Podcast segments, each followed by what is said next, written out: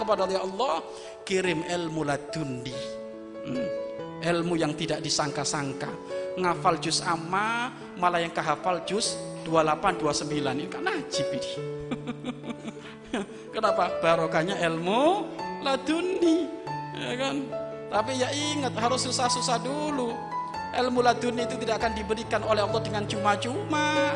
Ilmu laduni diberikan oleh Allah dengan orang yang khusus hubungannya kepada Allah khusus ingatnya kepada Allah khusus kalau sudah punya koneksi khusus kita akan diberi kekhususiaan oleh Allah Subhanahu wa taala.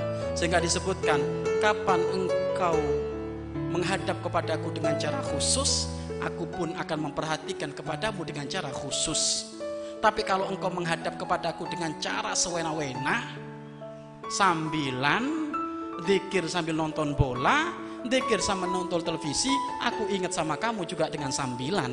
Hmm. Maka dengan Allah jangan pakai sambilan-sambilan kayak gitu. Dengan Allah waktunya khusus.